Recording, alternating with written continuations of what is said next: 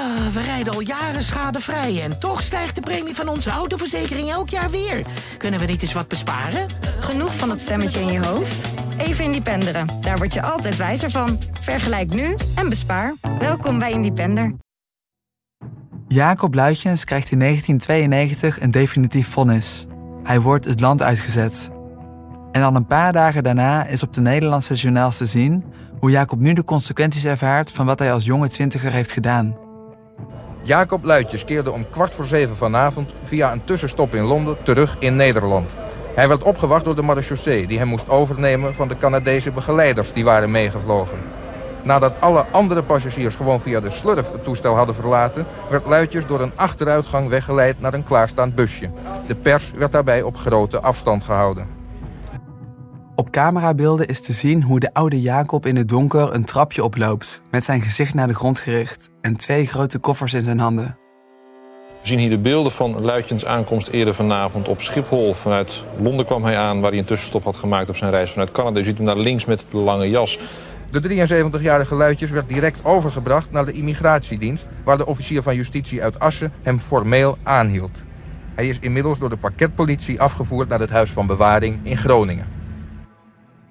Journalist Sjoerd Post, die de eerste tip kreeg en later de rechtszaak bijwoonde... staat nu te wachten voor het Huis van Bewaring in Groningen. Hier is een cel vrijgemaakt voor Jacob. En Sjoerd is niet de enige die een glimp van de oud-NSB'er probeert op te vangen. Hij ging naar Groningen hij komt daar aan en daar staat een oud verzetsman. En op het moment dat hij uitstapt, roept die man... Schurk! Schurk!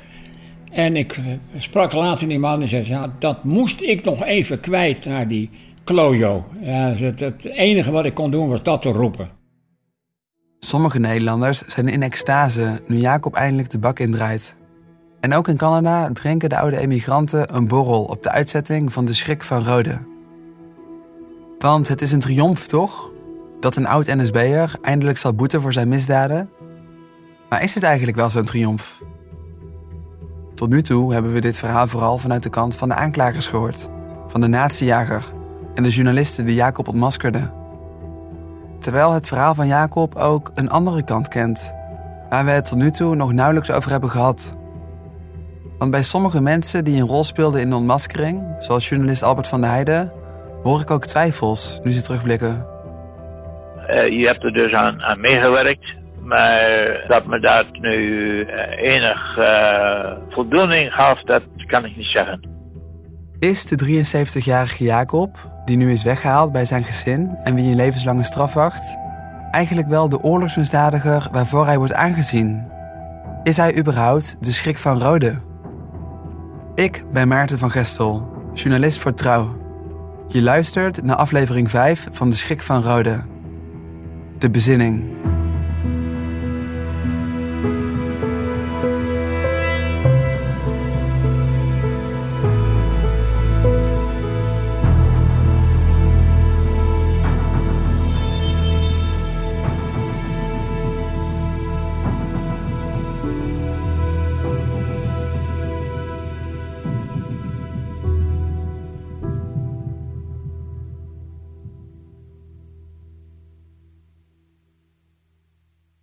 Eindelijk durf ik naar hem toe. Ik dien een aanvraag in en krijg toestemming. Je hoort een fragment uit het boek van Janna Postma, de nicht van Jacob, die in deze tijd tegen de 50 is. Op een vrijdag reis ik naar het Huis van Bewaring in Groningen. Een blinde man met geleidehond stapt met mij uit de bus en wijst me de weg naar de poort van het Huis van Bewaring. In de wachtkamer binnen zit een vrouw. Ze kijkt me verdrietig aan en zegt: Het is wat, meisje. Mijn oom ontvangt mij in een spreekkamer. Hij omarmt mij. Ik kijk naar zijn arm met het kleine handje en naar de andere, sterke arm. Ik herinner mij hoe hij mij en mijn zusje daarmee rondslingerde in Paraguay toen we nog klein waren. Hij zegt dat hij blij was, vier jaar geleden, met mijn adventskaart en dat de vlinder van mijn dochter nog steeds boven zijn bed hangt. Wat lijkt ze veel op jou toen je nog klein was? Jacob zit opgesloten in het huis van bewaring in Groningen. Een soort gevangenis, bedoeld voor kortgestraften. De opsluiting van de bejaarde oud-NSB'er is voor Nederland een nogal uitzonderlijke zaak. Dus verblijft Jacob tijdelijk in Groningen tot een geschikte plek voor hem is gevonden in een echte gevangenis. Jacob's cel, zo zie ik op archiefbeelden, is een kille witte ruimte van 4 bij 2 meter. Zijn metalen bed en bureautje staan vastgeschroefd aan de wanden. Elke dag mag hij één uur naar buiten voor frisse lucht. Hoe houdt hij zich hier staande? Het boek van Janna vertelt me niet zoveel, maar in een besloten justitiedossier vind ik brieven van de gevangenisdirecteur daar, Fred Hogeboom. En hij hield zijn nieuwe gevangenen goed in de gaten. Er arriveerde in de eerste instantie een moe gestreden, gespannen oude man in het huis van bewaring, die na jarenlange juridische strijd zichzelf overgegeven had. De eerste dagen onderging de heer Luitjens pesterijen van zijn medegedetineerden. Maar hoewel Jacob in eerste instantie nog gepest wordt door de andere gevangenen, verandert er al snel iets, lees ik in de brieven. Na een korte periode van gewenning groeide al snel het respect bij de gedetineerden en personeelsleden voor hem. Voor medegedetineerden vervult hij soms een rol van praatpaal, coach, leraar, enigszins in de lijn van zijn oude docentfunctie. Ik zie dat de gevangenisdirecteur geïntrigeerd raakt door Jacob, die langzaam het vertrouwen van de andere gevangenen wint. Is dit de verschrikkelijke schrik van Rode? Lijkt de directeur te denken. Hij wil die nieuwe gevangene wel eens beter leren kennen en bezoekt hem. De heer Luitjens is een vriendelijke, gevoelige man. Ondanks zijn hoge leeftijd kun je hem niet als detentiezwak karakteriseren. Hij kan zich goed handhaven in de inrichting en past zich goed aan aan de omstandigheden waarin hij gebracht is. Hij heeft een eigen patroon van bezigheden. Contacten met familie, correspondentie, lezen, studeren, meewerken in het arbeidsmagazijn, deelname aan gespreksgroepen en gezamenlijke activiteiten. De heer Luitjens heeft inmiddels goede relaties opgebouwd met veel personeelsleden en gedetineerden. Hij kiest met wie hij wel en niet zijn diepere gevoelens deelt. Ja, want hoe voelt Jacob zich nu eigenlijk over zijn opsluiting? Komt hij hier als oude man enigszins tot inkeer over zijn hulp aan de naties? Of juist niet? Door Janna's boek krijg ik hier een beetje een idee van. Hij vertelt dat een kwart van alles waarvoor hij veroordeeld is terecht is. Persoonlijk had hij niemand gedood, zei hij. Omdat hij gevlucht was, had hij de schuld van anderen op zich genomen. Maar het was waar, hij had mensen opgepakt, verzetstrijders. Die werden weggebracht. Geen Joden, nee, dat was onze taak niet. Die concentratiekampen, dat had hij nooit kunnen geloven. Hij wist dat het waar was, maar het voelde niet zo. Als ze hem ernaar vroegen in Canada, zei hij: Het is onvoorstelbaar, maar het is gebeurd. Jacob houdt vol dat hij nooit mensen heeft gedood. Hij heeft het gevoel dat hij een soort symbool is geworden van de oorlog en de nazi's in Nederland. Maar hij lijkt zich hierin te berusten, merkt de gevangenisdirecteur. Na een jarenlange strijd in Canada heeft hij besloten om zich niet verder te verzetten tegen wat er over hem komt. Als de heer Luitjens al lijdt vanwege de detentie die hem overkomt, dan is dat door het leed voor zijn familie, vooral vrouw en kinderen. Zij allen kunnen het feit van de detentie van de heer Luitjens moeilijk verwerken. Een van de mensen met wie Jacob zijn diepere gevoelens deelt, is directeur Fred. En die lijkt in hun ontmoetingen begaan met de oude Jacob. Hij ervaart zijn eigen leven als voltooid. Het is geweest wat het geweest is. Zijn lot legt hij vanuit een groot geloof in handen van een hogere macht. Zijn overgave is absoluut en totaal, waardoor hij bijna onkwetsbaar lijkt. Bij directeur Fred begint het te wringen. Hij kan het beeld van de schrik van Rode, de keiharde NSB'er die emigranten in Vancouver nog steeds nachtmerries zou bezorgen, niet rijmen met zijn gevangenen. Hoewel Jacob eigenlijk naar een echte gevangenis moet, zorgt de directeur ervoor dat Jacob nog even in Groningen kan blijven. In brieven naar collega's bij justitie vraagt Fred zich één ding steeds meer af. Is deze opsluiting wel zo rechtvaardig?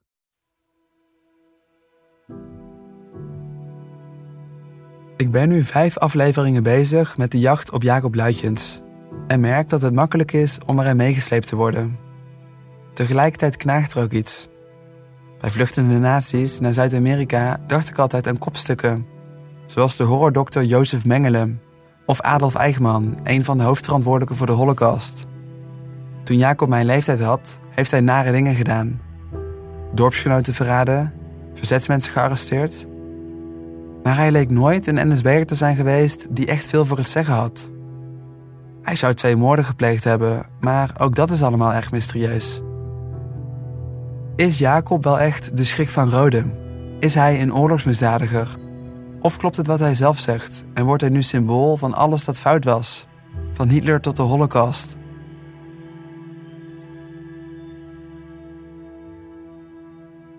Ik ga met deze vraag langs bij historica Marieke Oprel. Volgens haar moeten we eerst uitzoomen om dit te kunnen beantwoorden. We moeten zien hoe Nederland kort na de oorlog met NSB'ers omging.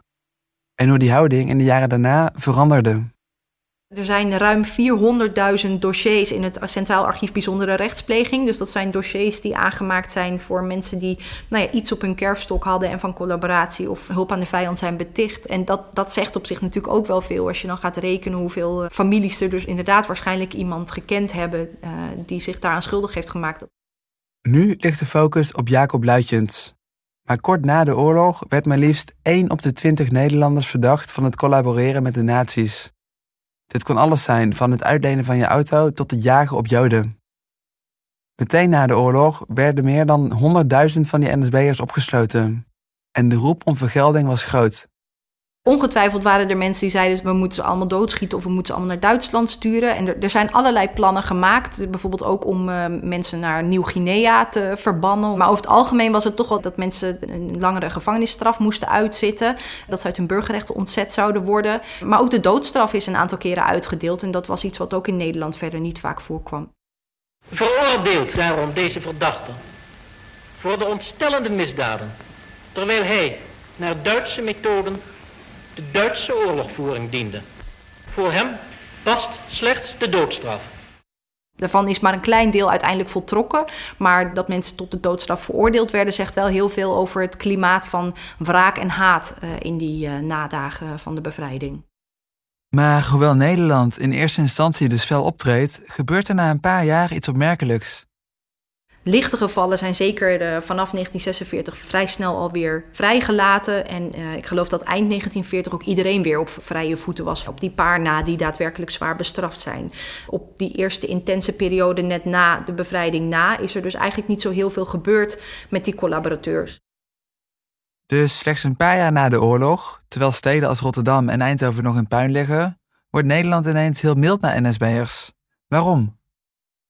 Nederland had al snel weer grotere problemen. Het was gewoon uh, natuurlijk een land wat weer opgebouwd moest worden. Uh, er was de oorlog met Indonesië. Uh, al gauw waren de geallieerden bezig met aanmoedigen om Duitsland wederom als partner te erkennen. Dus ik denk dat, dat dit echt een binnenlands probleem was, wat ook terzijde geschoven is om de wederopbouw te kunnen bevorderen. En vaak waren die mensen natuurlijk ook wel weer nodig daarvoor. Nederland wist niet zo goed wat ze met al die NSB'ers aan moest. De wederopbouw was de prioriteit. En wat we net al noemden, zoveel mensen waren fout geweest dat elke familie wel iemand had of kende die de nazi's geholpen had. Nu moest iedereen weer met elkaar door één deur. Zand erover dus. Wanneer Jacob in 1946 Nederland ontvlucht, heeft hij nog geen idee dat veel NSB'ers in de jaren erna juist vervroegd worden vrijgelaten. En ze zijn ook uh, toch wel goed weer geïntegreerd in de Nederlandse samenleving. En dat was ook waar de Nederlandse regering op in ging zetten, op reclassering en integratie.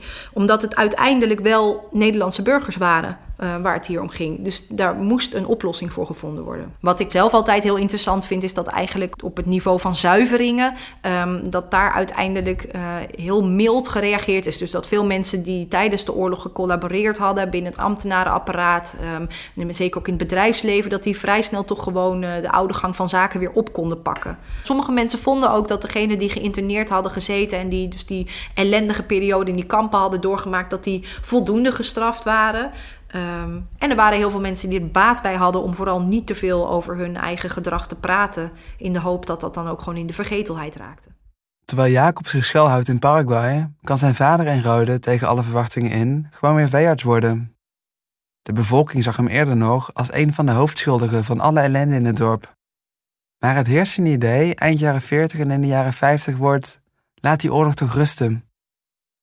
Als al deze NSB'ers die vervroegd worden vrijgelaten geluk hadden, dan geldt dat zeker niet voor zij die op de vlucht waren geslagen, zoals Jacob. Want in de jaren 60 en 70 verandert de tijdsgeest. Er komt een nieuwe generatie die niet meer zwijgt, zoals hun ouders. Men begint over gevoelens te praten, over trauma's in families. En zo weten we, er komt steeds meer aandacht voor de massa-uitroeiing van de Joden. De tijd van gewoon doorgaan is voorbij. De periode eind jaren 40, begin jaren 50 is eerst dus een. Dan wordt geprobeerd om die ellendige erfenis achter zich te laten. En in de jaren 60 speelt het dan weer op. En dan in 70 ook. En dan komt er ook felle kritiek op. Dus die NSB'ers en collaborateurs, dat die veel te slap en, en veel te uh, mild behandeld zijn eigenlijk. De haat naar oud-NSB'ers vlamt op. En dat komt rond 1980 tot een kookpunt. Er is een groeiende drang naar vergelding voor mensen die nooit gestraft zijn zoals Jacob Luitjens. Want de Canadese overheid wilde onder druk van de bevolking aantonen dat ze geen nazi-toevluchtsoord waren. En ook Nederland stond onder groeiende druk om te handelen. Je zoekt altijd een, een, soort zondebok waar je de schuld op kunt, kunt laden. En ik denk wel dat hij mede door het verhaal wat eraan vastzit van die ontsnapping, dat zijn verhaal groter heeft gemaakt dan zijn daadwerkelijk handelingen tijdens de oorlog.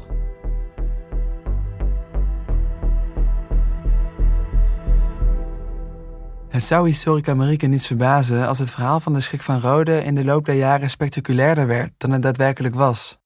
En dat de man die nu vastzit in wezen helemaal niet zo'n grote boef is als we nu denken. Is Jacob nou wel of niet de angstaanjagende schrik van Rode? Laten we eens alles op een rijtje zetten. Waarom ziet Nederland Jacob Luitjens eigenlijk als een van die grote schurken? Als iemand voor de top 10 meest gezochte NSB'ers? Dat was vanwege de enorm hoge straf die Jacob in 1948 in afwezigheid kreeg, van levenslang. Maar als ik dat oorspronkelijke vonnis nu bekijk, dan blijkt dit nogal te rommelen. Want allereerst, waar is Jacob voor veroordeeld? Niet voor het doden van mensen, maar voor hulp aan de vijand in tijden van oorlog. En dat is een ontzettend vaag vonnis, zegt historicus David Barnau. Dat kan zijn dat je een brood verkocht hebt aan een Duitse soldaat, tot en met fulltime uh, collaboratie met uh, helpen mensen doodschieten. Puur vanwege die hoge straf ging de Nederlandse justitie er lange tijd vanuit dat Jacob wel een grote schurk moest zijn geweest, die bijvoorbeeld moorden gepleegd had. Waarom anders zo'n hoge straf? Maar ik vind in de archieven een briefje waaruit blijkt dat die levenslange straf van Jacob misschien wel overtrokken was. En dat hij die zware veroordeling mogelijk vooral om een technische reden kreeg. De reden tot het opleggen van deze zeer zware straf kan eenvoudig zijn. Dat verhinderd wordt dat bij terugkeer van de delinquent het recht tot strafvervolging verjaard is. Volgens dit briefje is die hoge straf dus niet per se voor de ernst van Jacobs misdaden. Stel dat Jacob maar vijf jaar gekregen had, dan zou hij jaren later veel moeilijker alsnog te vervolgen zijn. Oftewel, de levenslange straf kan een manier zijn geweest om de houdbaarheidsdatum van het vonnis te verlengen. En dit briefje komt niet zomaar van iemand. Dit schreef een van de rechters die Jacob in 1948 zelf veroordeelde.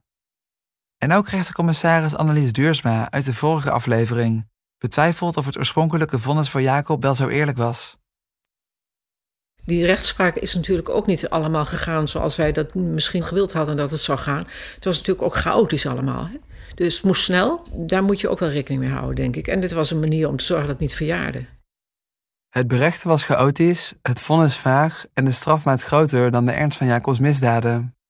En er is nog een reden waarom de 29-jarige Jacob zo'n hoge straf kreeg. Namelijk omdat hij zich door zijn afwezigheid niet verdedigde. Ter indicatie, Jacobs vader kreeg door zijn advocaat maar zes jaar straf. En ook Jacobs zwager, de predikant, keerde na zijn tijd in Paraguay terug naar Nederland om daar zijn vonnis opnieuw aan te vechten. Nou, die heeft geloof ik nog een jaar gezeten en is weer gewoon dominee geworden in zijn oude dorp. Maar die veroordeling is één ding. Want Jacob zou toch ook moorden gepleegd hebben? Klopt dit nou wel of niet, als we 80 jaar later alle feiten naast elkaar leggen? Laten we beginnen met de moord op de Duitse deserteur. Hij kwam in Rode in handen van de landwacht, maar probeerde te vluchten. Jacob zei dat de bange Duitser zichzelf na een achtervolging van het leven beroofde. Maar volgens getuigen was het Jacob die hem doodschoot. De heer De Vries was in maart 1945 aan het werk achter zijn huis. En toen uh, hoorde ik schieten. Dat waren die Duitsers dan. En toen schoot die luidjes die uh, schoten neer. Maar als ik in de archieven alle feiten op een rij leg, begint ook dit verhaal te wankelen. En dat heeft te maken met het lijk van die Duitse soldaat. Want eind jaren 80 wordt het lichaam opgegraven om de schotwonden te onderzoeken. Was het inderdaad Jacob die van een lange afstand had geschoten, zoals de Vries beweert? Of was dit een wanhopige zelfmoord met een pistool tegen het hoofd, zoals Jacob zegt? Het autopsierapport heeft een verrassende conclusie. De resultaten van de botmetingen maken het waarschijnlijk dat het met een wapen op zeer korte afstand, waarschijnlijk met opgedrukte loopmond, moet zijn gebeurd. Kijken naar de schotwond in de schedel is het dus waarschijnlijk dat Jacob de moord niet gepleegd heeft. Van de andere vermeende moord lijkt het al helemaal onwaarschijnlijk dat Jacob dat fatale schot loste. Hij zat de verzetsman Henny Jansen inderdaad op een fiets achterna. Maar getuigen hoorden hem alleen schieten, schieten roepen, waarna een schot klonk. Waarom zou je dat roepen als je vervolgens zelf zou schieten? Deze twijfels bereikten nooit de media. Maar in interne justitiedocumenten is wel degelijk een verandering te zien. Waar begin jaren 80 nog met zekerheid wordt gesproken over de twee moorden die Jacob gepleegd zou hebben, schrijft justitie later in gesloten stukken dat hij ze vrijwel zeker niet gepleegd heeft. Ik laat al deze informatie even inzinken. En vraag me dan af, wat als Jacob nooit de benen had genomen? Als hij gewoon in Kamp Westerbork was gebleven en bij zijn rechtszaak was komen opdagen? Als hij zich in 1948, 49 gemeld had in Nederland, nou dan was het proces overgedaan en had hij twee jaar gekregen. Als Jacob nooit was gevlucht, dan was hij misschien voor zijn dertigste een vrij man geweest. Dan had hij hier hoogleraar biologie kunnen worden, met een vrouw, kinderen en nu een rustig pensioen. Maar Jacob sloeg op de vlucht. En de mythe rondom de schrik van Rode, die groeide alleen maar. Want neem bijvoorbeeld die bijnaam. De schrik van Rode. Jacob Luitjes, eh, die wordt dan de schrik van Rode genoemd. De bevolking, die zei de schrik van Rode. To this day, the inhabitants still remember Jacob as the terror of Roden. Ja, dat was de schrik van Roden. Maar klopt dat wel? Was Jacob in de oorlog echt de schrik van Rode? Ik vraag het aan historicus David Barnau. Al die namen die zijn eh, na de oorlog bedacht. Uh, de bul van dit, de schrik van dat. Zo ja, heten ze in de oorlog absoluut niet. De bijnaam de schrik van Rode een verzinsel? Terwijl naastjager Jack, amateurhistoricus Jan, journalist Sjoerd en eigenlijk iedereen die ik sprak Jacob zo noemde? Voor historicus David lijkt het gesneden koek dat deze namen helemaal niet bestonden tijdens de oorlog. Maar voor mij is dit een behoorlijke schok. Maar nu ik de eerste grote televisiereportage over Jacob terugkijk, uit 1983, zie ik inderdaad dat die naam complete willekeur lijkt. Want let even goed op hoe de journalist Jacob aan het einde van dit fragmentje noemt. Hij kreeg een vaste aanstelling als leraar aan de Universiteit van British Columbia. Daar is men tevreden over zijn werk en niemand kan haast geloven dat Luikjens in het Nederlandse Drenthe de beul van Rode werd genoemd. En die bijnaam is niet het enige waar niets van klopte. Er gingen in die tijd veel meer verzinsels over Jacob rond. En het bleek toen dat hij lid wordt van de, de, de Nederlandse Waffen-SS. Zo zou hij bij de SS gezeten hebben? Ik geloof dat, als ik me niet vergis, dat tegen hem ook de doodstraf werd geëist. Zou tegen Jacob de doodstraf zijn geëist? Lutyens joined the Dutch Nazi Party and became a leader in the Landwacht or Land Guard. They informed on Jewish and other resistors and rounded them up for shipment to concentration camps. En zou hij betrokken zijn geweest bij de deportatie van Joden, terwijl Jacob daar zelf nooit actief aan heeft deelgenomen. En dit beeld was in de Canadese media soms hardnekkig. Lucien, wearing the hat, was asked if he knew what happened when he helped round up the Jews. Even samenvatten. In het heftige holocaustklimaat van de jaren 80 gaat er van alles over Jacob rond dat waarschijnlijk niet waar is. Twee moorden, de bijnaam de schrik van Rode, een rol in de holocaust. Tegelijkertijd hebben we ook nare getuigenissen over Jacob gehoord van kort na de oorlog. Dus ik vraag me af hoe iemand die hem in die oorlogstijd echt heeft meegemaakt, denkt over Jacob. Ik ga met deze vraag terug naar Jan Postema, de man met de piano die door Jacob naar de martelvilla werd gestuurd en die later tegen hem getuigde. Aangezien hij een echt slachtoffer is van Jacob, verbaas ik me over zijn visie op de oud-NSB'er. Lijfelijk heb ik, alleen twee zinnen meegemaakt. Je persoonsbewijs, dan weten we genoeg. En verder weet ik wie Jaap Luikjes is. Een vreedzaam gezin. Alleraardigste lieve mensen. Zo waren ze. Ja, en ze dachten er anders over. Alleraardigste lieve mensen, en dit uit de mond van iemand die als 18-jarige mede door Jacob in een Duits kamp belandde? Hoe zit het dan met de schrik van Rode, die bekend zou hebben gestaan om zijn autoritaire optreden? Zo was hij niet. Hij is niet met, met geen vinger aan geweest. Nog geen beweging gedaan, nog geen, geen agressief woord. Mensen die Jacob nooit gekend hebben, uiten op televisie hun woede over hem. Maar Jan typeert Jacob helemaal niet als kwaadaardig, maar meer als iemand die in de oorlog andere denkbeelden had. En Jan gaat daarover door. Want hoe vreemd waren Jacobs keuzes eigenlijk, als je kijkt naar de NSB-vader waar hij mee opgroeide? Als je kind bent van je opvoeding, wat zou ik gedaan hebben als ik in de jeugdstorm had gezeten? Wat zou ik gedaan hebben als ik opgegroeid was in een nazi-gezin? Zo denk ik wel. Had ik een andere keuze gemaakt, vraagt Jan zich af, met zo'n vader als die van Jacob? En die vraag zou ik mezelf ook kunnen stellen. Of jij?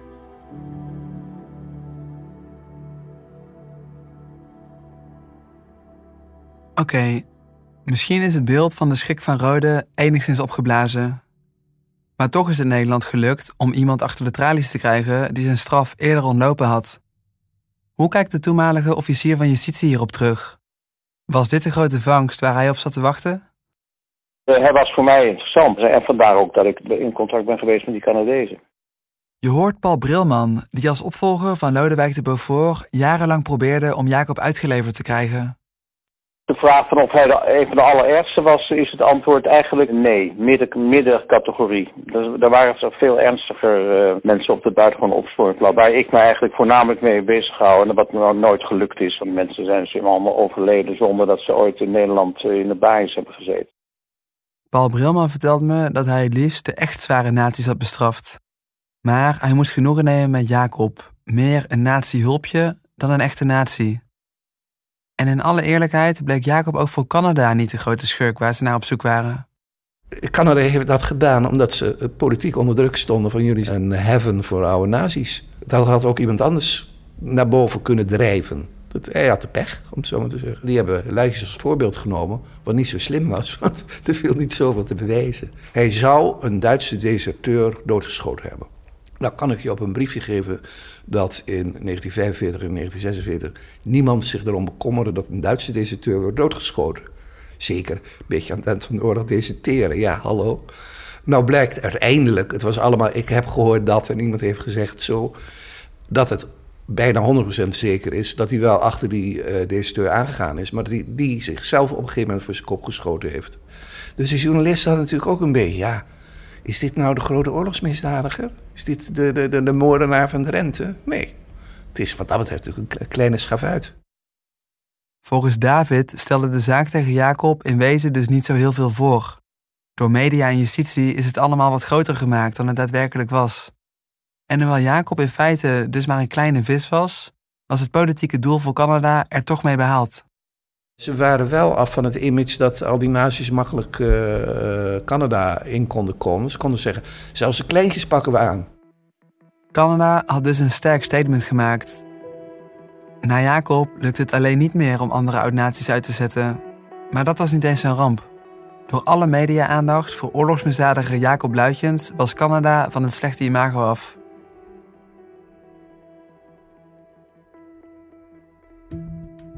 Maar er is nog één ding dat me dwars zit na het vinden van al deze kanttekeningen.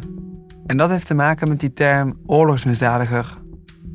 Oorlogsmisdadiger Jacob Luitjens na 44 jaar terug in Nederland. 47 jaar na het einde van de Tweede Wereldoorlog wordt Nederland nog steeds geconfronteerd met het fenomeen oorlogsmisdadiger.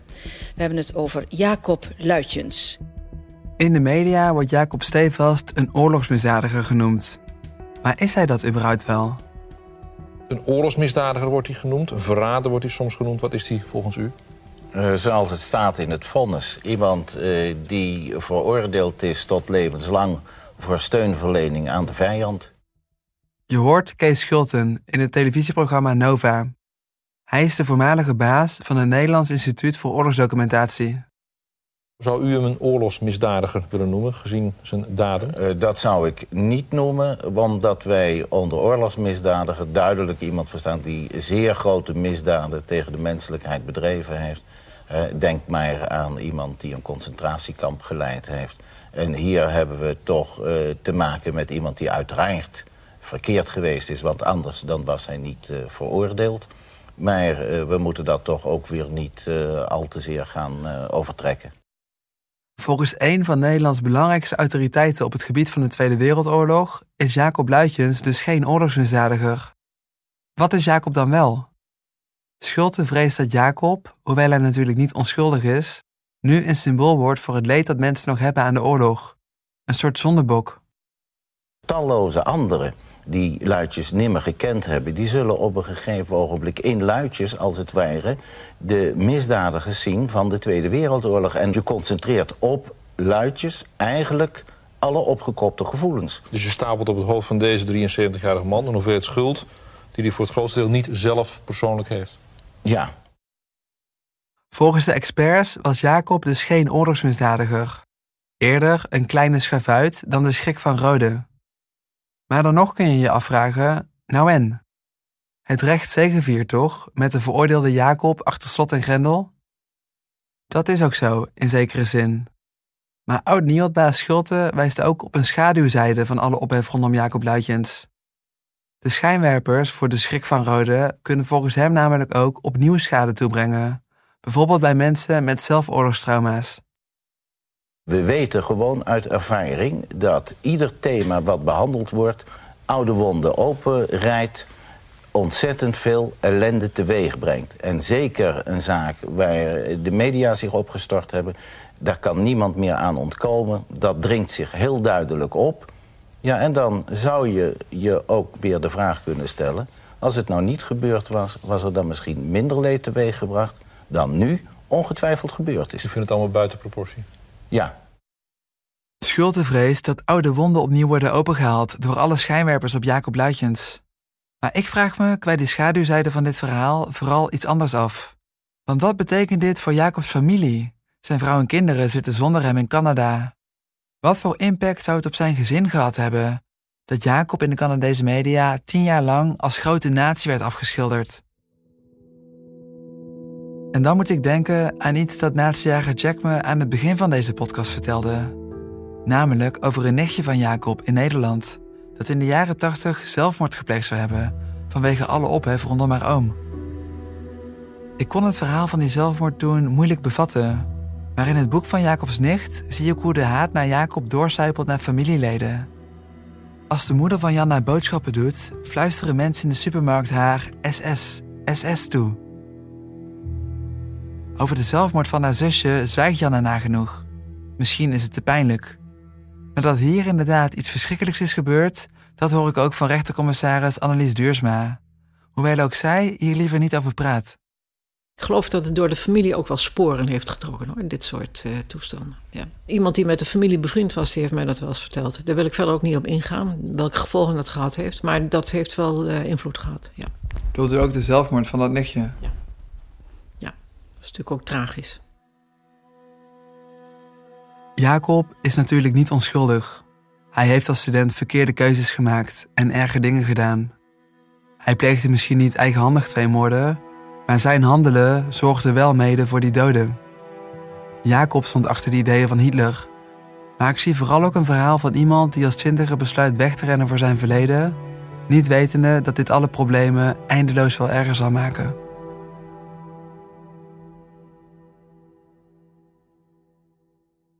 De oude Jacob telt in de cel zijn dagen. En al die tijd heeft hij één hoop. Namelijk om niet zijn volledige straf uit te hoeven zitten, maar om eerder vrij te komen.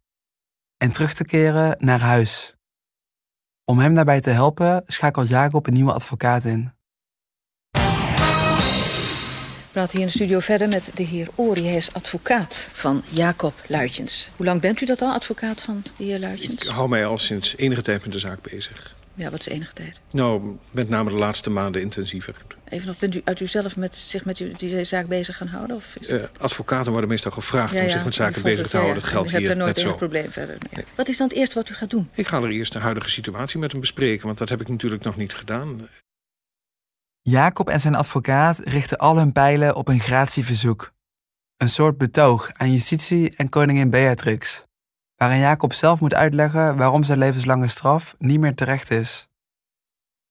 Hoe overtuig je justitie ervan dat ze je niet levenslang moeten opsluiten, maar slechts een paar jaar?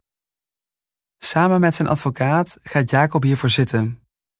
En waar ze mee komen is een boekwerk van zeker 60 pagina's.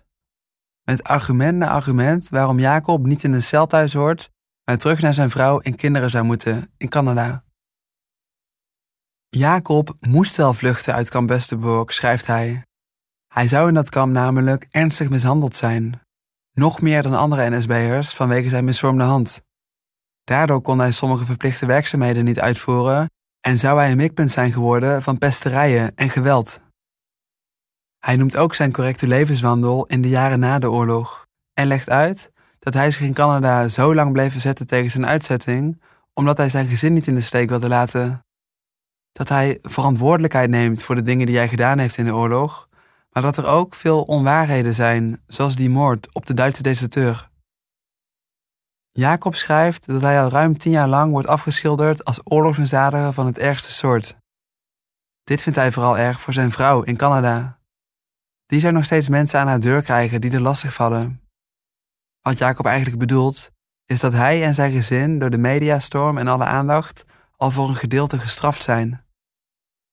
Het gratieverzoek gaat de deur uit. En nu is het wachten. Maar Jacob zal niet zomaar vrijkomen.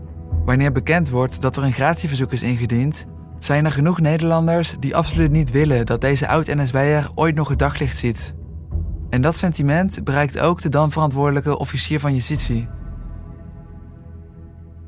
Ja, ik heb brieven gekregen van uh, diverse mensen die hun ervaringen over de tijd uh, in 44, 45 beschrijven in die brieven.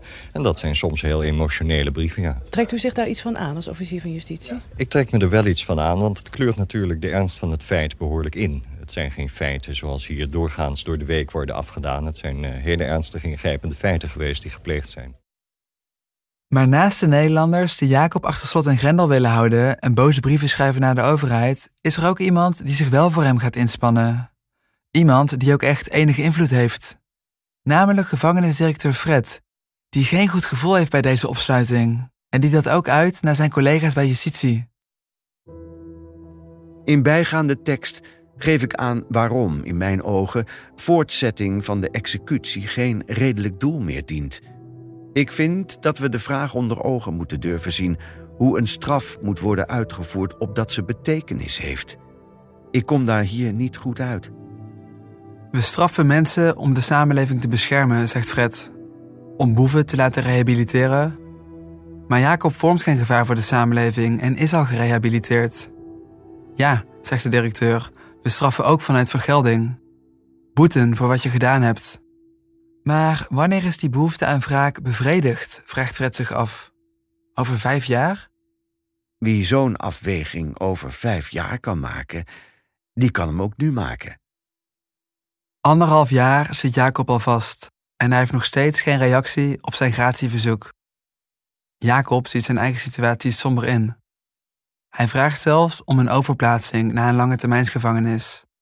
Weg van de vriendelijke directeur, maar tenminste naar een plek waar hij iets van groen kan zien vanuit het raampje in zijn cel. Maar op een ochtend in 1994 krijgt Jacob post. Koninklijke post. Want het verzoek is eindelijk behandeld. Justitie heeft de knoop doorgehakt en hun advies gegeven aan koningin Beatrix. Haar handtekening is de sleutel die Jacobs gevangeniscel kan openen. Je hoort staatssecretaris Aad Koster op de radio over het besluit dat ze hebben genomen. En dit bepaalt wat er vanaf nu met Jacob zal gebeuren. Aantal uh, argumenten, de verstreken tijd sinds het uh, bedrijven van de misdrijven. De in die tijd ook plaatsgevonden hebbende gebeurtenissen op het punt van gunstbetoon ten aanzien van anderen. De veranderde opvattingen, de leeftijd van de man en het feit dat hij uh, sinds zijn misdrijven een uh, onberispelijk leven geleid heeft op basis van zijn eigen keuze. Alles bij elkaar heeft de rechtbank ook ertoe gebracht om te adviseren de straf om te zetten. Jacob opent de dikke envelop, afkomstig van het Koningshuis. Hij vindt daarin een stevig papier met chique letters erop. En onderaan kan hij de sierlijke handtekening van Beatrix zien, met een gebolde B en een enorme uithaal. Hij begint te lezen. Wij, Beatrix, koningin der Nederlanden, hebben goed gevonden en verstaan de levenslange gevangenisstraf waartoe Jacob Luitjens is veroordeeld, te veranderen in een gevangenisstraf van zes jaar met aftrek van 607 dagen voorarrest. Jacob leest het goed. Zijn levenslange straf is omgezet naar zes jaar, waarvan hij er al anderhalf uitstelt na de oorlog en anderhalf nu. Met zijn voorarrest meegenomen betekent dit dat hij over een jaar al vrijkomt. Na jarenlange juridische getouwtrek rondom Jacob en bijna 50 jaar na de oorlog is hij dus bijna van alles af. En in maart 1995 is het zover. Jacob wordt vrijgelaten.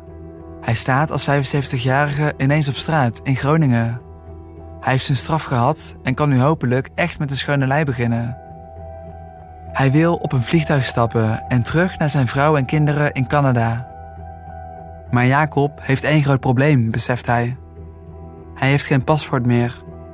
Geen Canadese en ook geen Nederlandse. Hij is vrij, maar tegelijkertijd geen burger meer van geen enkel land ter wereld.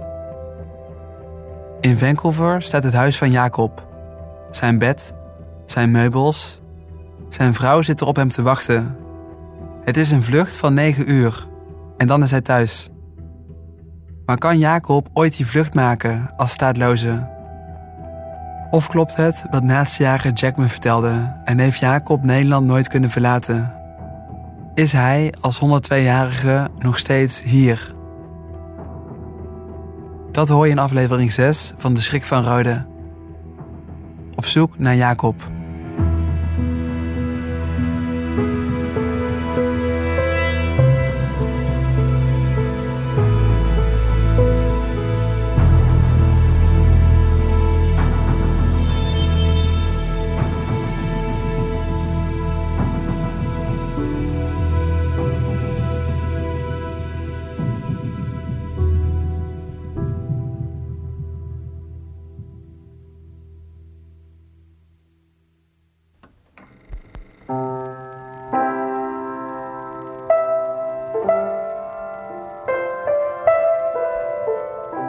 Deze podcast wordt gemaakt door Maarten van Gestel. Eindredactie Gabriella Ader. Montage, mixage en muziek Daniel de Boy. Aanvullende productie door Bastiaan van Orde, Joris Belgers en Kevin Goes. Coördinatie vanuit Trouw Martijn Roesing. Vormgeving Gemma Pauwels.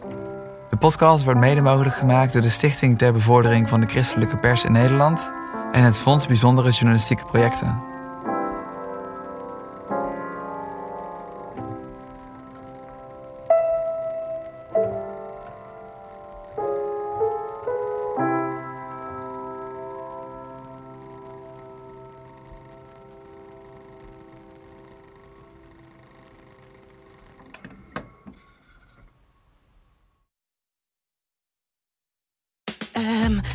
Onze autoverzekering straks nog wel bij de nieuwe auto die we gaan kopen? Of kunnen we met overstappen flink besparen? Genoeg van het stemmetje in je hoofd? Even Independeren. Daar word je altijd wijzer van. Vergelijk nu en bespaar. Welkom bij Independer.